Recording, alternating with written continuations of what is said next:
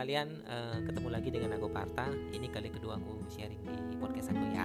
Nah, di podcast sebelumnya itu banyak banget aku lihat kekurangannya, baik dari kata-katanya, baik dari cara penyajiannya. Dan mudah-mudahan uh, di podcast kali ini lebih baik lagi sehingga teman-teman bisa mendapatkan manfaat dari apa yang aku sampaikan nanti. Ya. Nah, di episode ini aku akan berbicara tentang jadi aku tuh lahir uh, eh, 1 Oktober 1985 makanya uh, episode ini aku pakaikan judul 1985 ya lahir 35 tahun 35 benar ya? 35 tahun yang lalu uh, dari sebuah keluarga yang uh, sederhana. Aku anak uh, ketiga dari tiga bersaudara. So aku punya kakak cewek yang pertama kakak cowok yang kedua. Uh, pertama kerjaan orang tua aku itu kalau papa uh, jadi guru.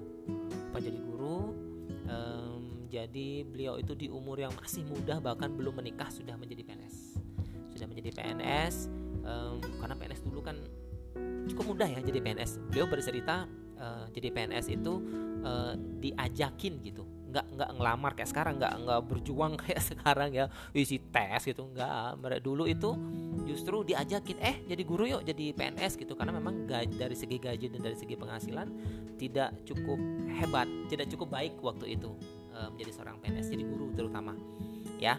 So uh, papa aku jadi guru uh, mama aku ibu rumah tangga. Ibu rumah tangga yang um, struggle dalam hidup uh, memberikan arti dalam hidup, memberikan ilmu kepada kita bagaimana cara kita bertahan di kehidupan rumah tangga itu dari mama semua.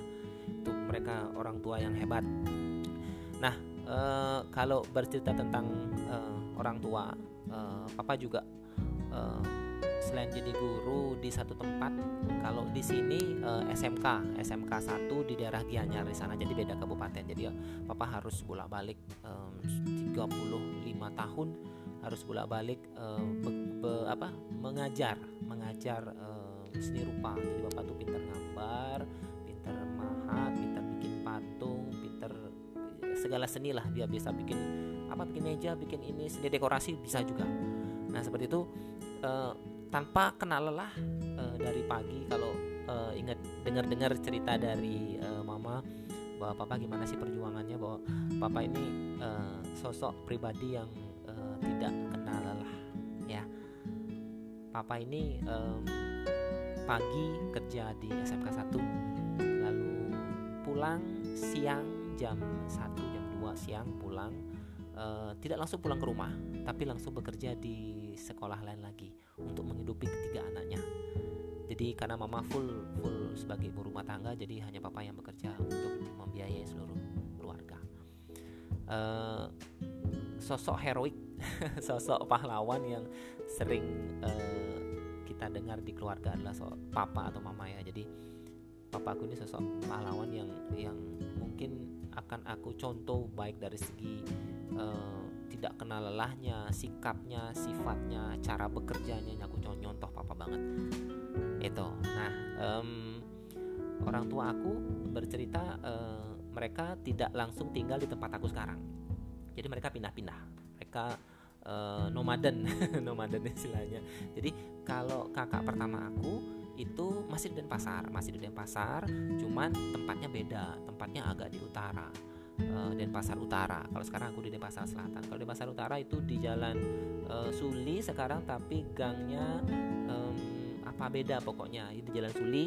Terus kakak yang kedua juga di sana tapi beda rumah, pindah rumah lagi karena sistem-sistem ini ngontrak dulu. Kontrak rumah.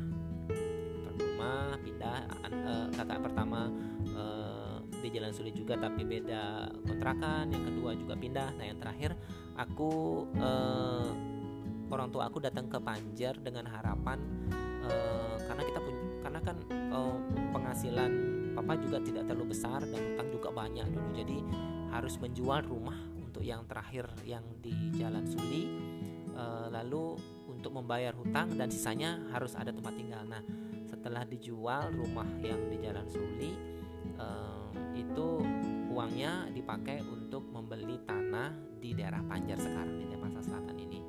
Uh, bayar hutang dulu lunasi setelah itu beli tanah yang dulu harganya sih katanya per arenya 500 ribu. Waduh kalau sekarang 500 ribu mah udah berapa hektar bisa dibelikan dengan jumlah nilai uang sekarang ya. Nah dulu 500 ribu per are katanya. Jadi 500 ribu per are belinya 3 are waktu itu. Jadi biar uh, cukup luas. Walaupun bangunannya tidak begitu belum mewah karena uang sudah dipakai untuk beli itu dan hanya uh, bisa membangun rumah yang sangat sederhana sekali. Ya tembok setengah badan setelah itu ke atasnya uh, pakai triplek supaya tidak kena angin aja. Yang penting hutang lunas uh, dan bisa punya tempat tinggal yang lebih layak lagi. Itu itu pikiran papa saat itu. Nah perjuangan itu yang kulihat wah ini luar biasa nih. Hutang berjuta-juta dulu uh, beliau sampaikan uh, beliau hanya bisa membayar hutang uh, bunganya saja tapi pokoknya nggak bisa dibayar. Jadi kan hutang terus seumur hidup tuh terus hutang. Gimana caranya nih kembali ini? Nah terpaksa harus jual rumah. Nah itu istilahnya di sana. Jadi jual rumah beli di uh, Panjer di daerah Panjer di desa Panjer itu tahun 1980 uh, orang tua aku pindah ke sini beserta kakak-kakak aku pindah ke Panjer membangun rumah di sini dan besar di sini. So setelah itu lima tahun kemudian, nah ini jarak aku umur aku dengan kakak yang kedua itu cukup jauh. Uh, kakak yang pertama dengan yang kedua tuh jaraknya uh, dua tahun. Jadi kakak yang pertama tahun 77, kakak yang kedua tahun 79. Jadi bedanya dua tahun. Nah, dari aku 79 ke 85 itu enam tahun. Wih lumayan lumayan lama. Jadi ibu udah mama udah udah lupa caranya untuk uh, melahirkan. Udah udah lupa sakitnya uh, hamil. Sekarang hamil lagi. Nggak tahu ya ini karena kecelakaan atau gimana apa tidak diharapkan atau gimana aku nggak tahu juga. Tapi yang pasti uh, tahun uh, 85 aku lahir aku lahir uh, 1 Oktober 85 seperti yang aku uh, sebutkan tadi.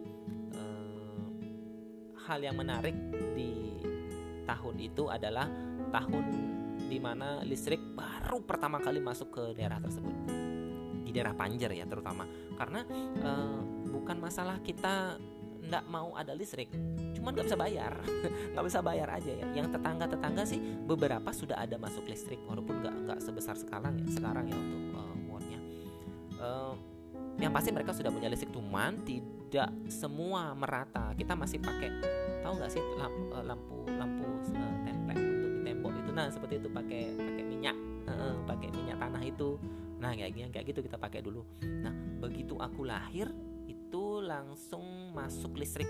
Jadi sebelumnya tuh mamaku hamil sakit perut mau melahirkan itu, sudah uh, masih belum ada listrik nah setelah itu setelah lahir baru uh, listrik masuk. Dan beruntungnya aku beruntungnya uh, jarak dengan kakak yang kedua itu cukup jauh jadi kakak-kakakku sudah cukup gede sudah cukup gede sudah bisa sendiri tanpa harus uh, ada apa istilahnya ada uh, dari orang tua lah ada pengawasan dari orang tua udah gede sendiri udah bisa ngapain udah tahu harus ngapain. Jadi uh, akhirnya di tahun 85 aku diajak karena ibu udah sakit perut aduh udah sakit perut habis itu mau ke rumah sakit papa lagi ini papa lagi ngajar. Jadi malam um, jam berapa ya jam sekitar jam 7 itu udah sakit perut udah udah mau melahirkan istilahnya udah bukaan mau udah bukaan. Tapi papa belum datang karena papa biasa datang tuh sekitar jam 8 karena ngajarnya tuh uh, cuman malam aja nyampe di rumah ya malam nyampe di rumah uh, baru bisa ketemu sama anak istri. Nah uh, begitu sakit perut langsung diajak ke rumah sakit itu pun minjem motor minjem motor duduknya bertiga. Ini bibi-bibi aku yang di depan satu ibu uh, mama ke tengah-tengah yang di belakang juga yang bibi aku juga. Wah diajak langsung ke rumah sakit papa nggak tahu lah. Setelah itu begitu di rumah dulu kan nggak ada handphone nggak ada alat komunikasi dulu. Nah uh, begitu di rumah lu ada siapa nih? Ditanya ke mana? Ini udah mau melahirkan ke rumah sakit. Oh langsung ke rumah sakit. Papaku naik sepeda waktu itu naik sepeda uh, apa namanya sama ya kalau di sini namanya sepeda jengki sepeda jengki sepeda zaman dahulu itu jadi wah harus minjem juga itu sepeda untuk bisa ke rumah sakit. So di rumah sakit akhirnya lahirlah anak yang ganteng ini yang yang uh, di mana uh, di tahun itu menjadi tahun yang uh, apa ya yang yang hebat bagi kedua orang tua aku karena uh, lengkap sudah memiliki anak sudah memiliki tempat tinggal yang nyaman dan sudah tidak akan memiliki adik lagi karena sudah oh, cukup cukup sekian cukup sekian. Terima kasih tiga anak cukup. Jadi aku jadi anak bungsu dari tiga bersaudara disayang kakak-kakak. Karena kakak udah gede-gede jadi udah bisa ngomong udah bisa ngomong udah bisa ngajak main masih kecil seperti itu. Nah untuk uh, yang selanjutnya aku akan ngobrolin tentang uh, gimana aku gede di sebuah keluarga bagaimana aku dengan kakak-kakak aku? Apakah ada pertengkaran? Apakah ada sesuatu yang perlu uh, dibicarakan yang bisa teman-teman uh, ambil hikmahnya? Nah uh, nantikan di episode ketiga aku nanti uh, aku biasanya uploadnya seminggu sekali. Mudah-mudahan bisa rutin ya karena mengingat ini jadwal cukup padat dari rumah. Jadi uh, sampai ketemu di minggu depan ya. Thank you